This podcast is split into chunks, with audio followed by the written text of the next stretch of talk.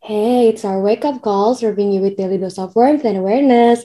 Hai semuanya, ini kalau kalian masih ingat suara aku nih, aku balik lagi nih, lagi berkunjung ke Speak Up by our wake up call. Yes, aku Irene dan malam ini aku ditemenin sama Rifka pas recording. Hai Rifka.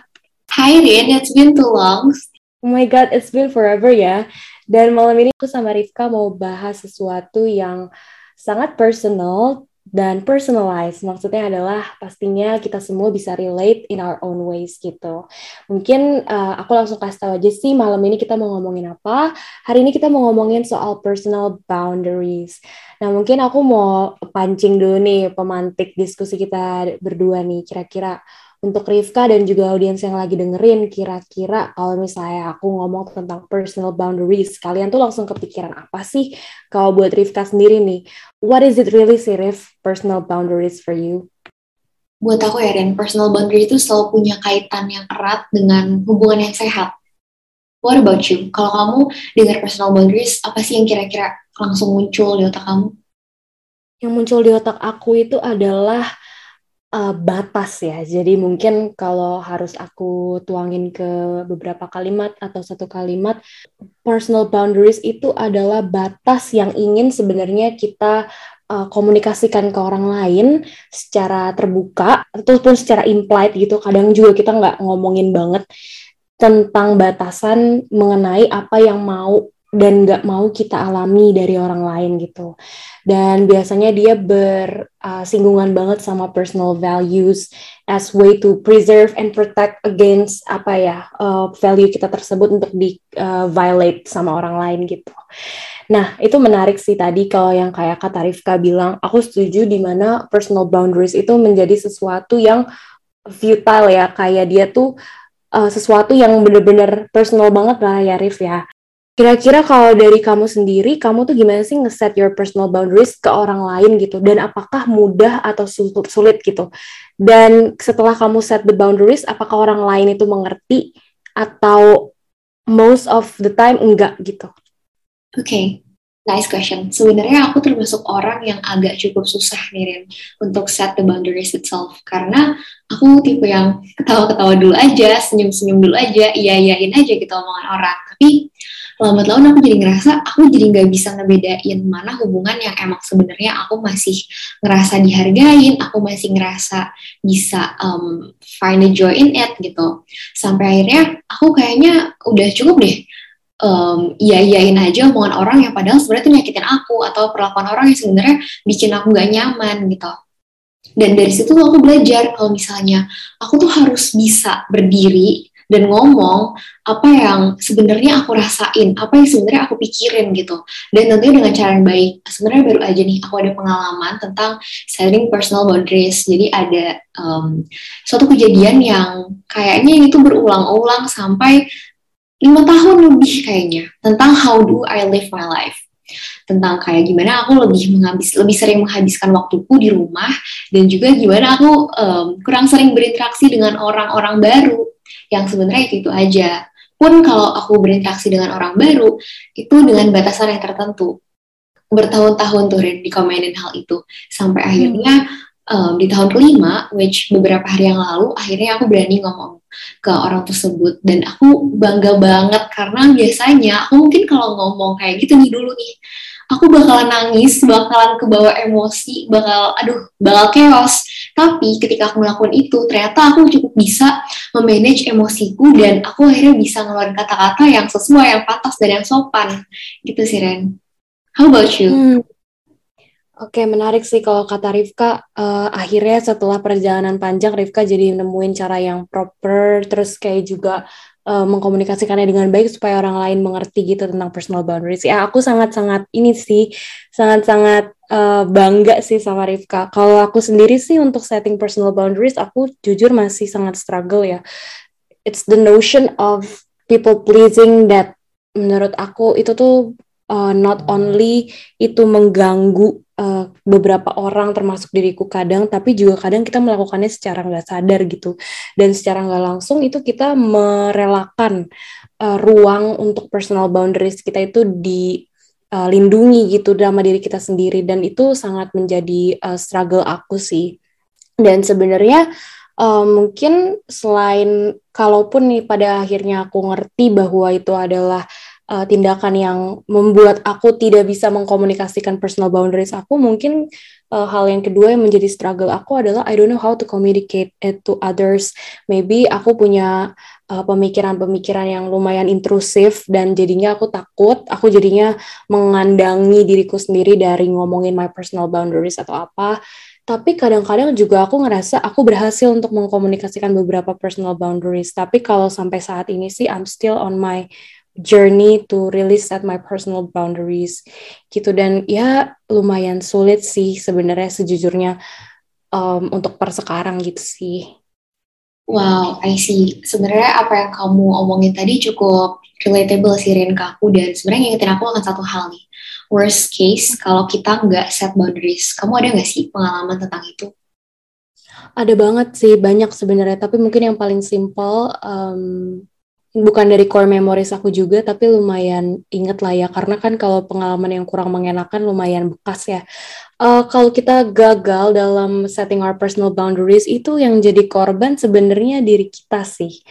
Karena uh, banyak hal yang orang lain lakuin ke kita yang lagi itu dia clash sama kita punya values dan buat orang lain itu tidak signifikan karena menurut orang orang lain mungkin kurang mengerti personal boundaries yang kita punya karena mungkin emang berbeda personal boundaries yang dia punya dengan kita dan akhirnya kita yang jadi korban. Uh, korban atas satu mungkin uh, orang juga nggak mau satu orang nggak nanyain konsen terhadap hal atau sesuatu yang mereka tanyakan atau mereka bicarakan ke kita tapi yang kedua juga kita tidak memberikan batas gitu yang jelas kepada orang-orang di sekitar kita. Dan ya worst scenario nya adalah kamu pulang ke rumah dengan perasaan oh shoot aku aku baru aja mengalami sesuatu yang mungkin buat orang lain tuh sesuatu yang nggak apa-apa gitu. Mereka mungkin nggak kepikiran tapi buat aku itu sesuatu yang besar dan itu sesuatu yang nggak mau aku lakuin atau terjadi ke aku.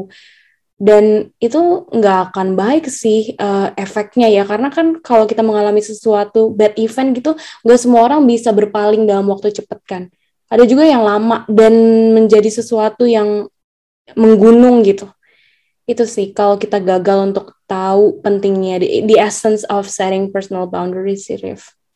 I see, tapi itu jadi wake up call kamu gak sih Rin untuk set the boundaries?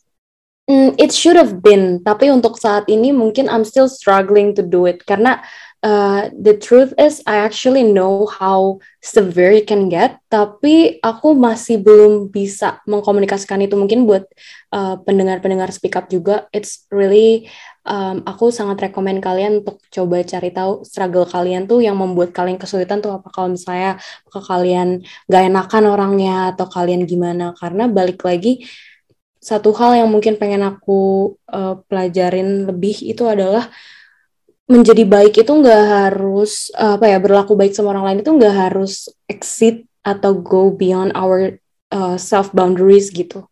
But I'm yeah I'm still struggling to do it sih Ref. Tapi makin ke sini makin kayak ya ini udah jelas-jelas gue nggak bakalan suka gitu. Jadi aku akan berusaha untuk say no gitu. Lebih baik daripada hari-hari kemarin gitu. Jadi progress ada dan lebih logical sih sekarang sejujurnya ya. Gitu sih. Wow, great point. Dan sebenarnya yang tadi kamu udah state ya, Rin, dengan kita hmm. coba ngasih tahu ke orang juga nih, kalau misalnya kita nggak suka diperlakukan dan nggak nyaman diperlakukan dengan cara tertentu, sebenarnya ngasih tahu hmm. dia juga untuk uh, lebih belajar nge-treat orang dengan lebih baik, mungkin ya, karena jadinya nggak berhenti di kita aja nih value-nya, pelajaran yang udah kita dapet gitu.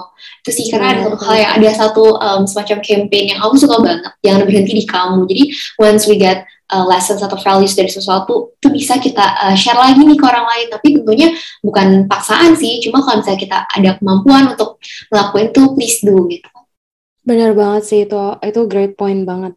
Dan dari apa namanya deriving from that yang tadi baru Rifka bilang tentang jangan stop di kamu, aku penasaran dari emangnya nih kalau misalnya kita fail untuk um, atau bukan fail doang tapi kita nggak mau terlalu peduli untuk uh, recognize our self boundaries itu apa aja gitu emangnya itu bakalan ngefek nggak sih ke jangka pendek sama jangka panjang terhadap diri kita bahkan orang lain kalau dari POV kamu gimana? Oke, okay, mungkin kalau misalnya untuk short termnya kita lebih bisa uh, avoid masalah ya sama orang. Misalnya uh, ada satu case kita nggak nyaman diperlakukan dengan orang tersebut gitu. Ya udah kita menghindar kita nggak mau set boundaries dengan terus terang. Dan jadinya ya udah secara long term kita akan terus menghindar dan ketika kita lagi nggak bisa menghindar akhirnya kita melakukan people pleasing yang akhirnya secara nggak langsung akan ngedrain energi kita Rin. Dan itu bisa bikin apa ya mungkin um, cara kita manage waktu dan emosi itu agak sedikit berantakan. Karena kan as we get older ya terlalu banyak hal yang sebenarnya lebih penting untuk kita urusin gitu. Hmm, bener sih, bener banget. Kalau dari aku, aku setuju sama Rifka. Mungkin untuk to add to that juga sedikit. Kayaknya kalau untuk long termnya juga ya Rif ya, kayaknya dengan hal-hal yang Rifka udah sebut tuh bakalan ngefek ke jadi habit kan. Nah, habit kan nempel ke diri kita. Nanti lama-lama jadi diri kita kan you are what you do. Dan itu lumayan bahaya sih. Karena udah hidup kan nggak nggak selama itu juga sebenarnya uh, kita kayak numpang lah di sini gitu. Dan kalau kita gagal untuk set personal boundaries banyak banget hal yang kita korbanin. Dan kalau kita udah ngorbanin sesuatu yang berhubungan dengan personal boundaries uh, dan ngorbanin mental itu banyak banget yang dikorbanin ujung-ujungnya. Karena dalam menjalani sesuatu it takes faith it takes energy. Dan energi itu nggak cuma dari fisik ya nggak sih Yes, benar banget Rin. Dan sebenarnya when it comes to mental thing, uh, itu it affects everything kan. Kayak jadinya itu suatu yang penting banget. Dan mungkin mungkin ya kalau kita masih dulu sekolah itu bukan suatu hal yang sebesar sekarang gitu personal boundaries. Cuma as we get older lagi-lagi jadi it gets bigger juga. Benar banget ya. Dan mungkin kalau dari aku nih terakhir banget buat teman-teman juga uh, mungkin yang bisa dipelajari di sini uh, Rifka butuh waktu lima tahun. Mungkin Rifka pun masih belajar sampai sekarang gitu. Dan aku masih struggling untuk bisa set uh, personal boundaries.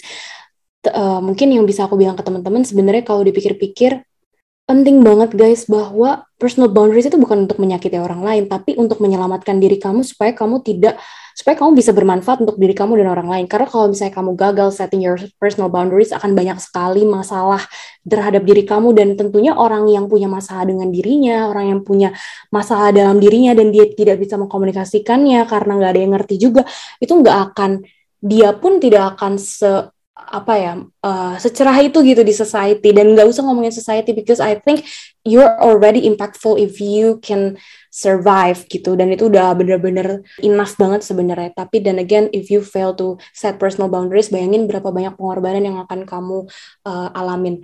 Even if kamu ada di situasi di mana kamu harus mengorbankan sesuatu dari diri kamu kalau kamu udah punya personal boundaries dalam uh, ranah pekerjaan, dalam ranah teman semuanya, hidup tuh akan lebih tertata lah ya dan ujung-ujungnya kayak kamu yang kamu korbankan adalah effort dan kerja keras bukan your personal boundaries karena dua hal tersebut berbeda personal boundaries tuh lebih ke apa yang kamu mau lakuin dan tidak dan tidak itu berarti berhubungan sama values gitu kalau mungkin dari aku itu kalau dari Rifka gimana nih Rif?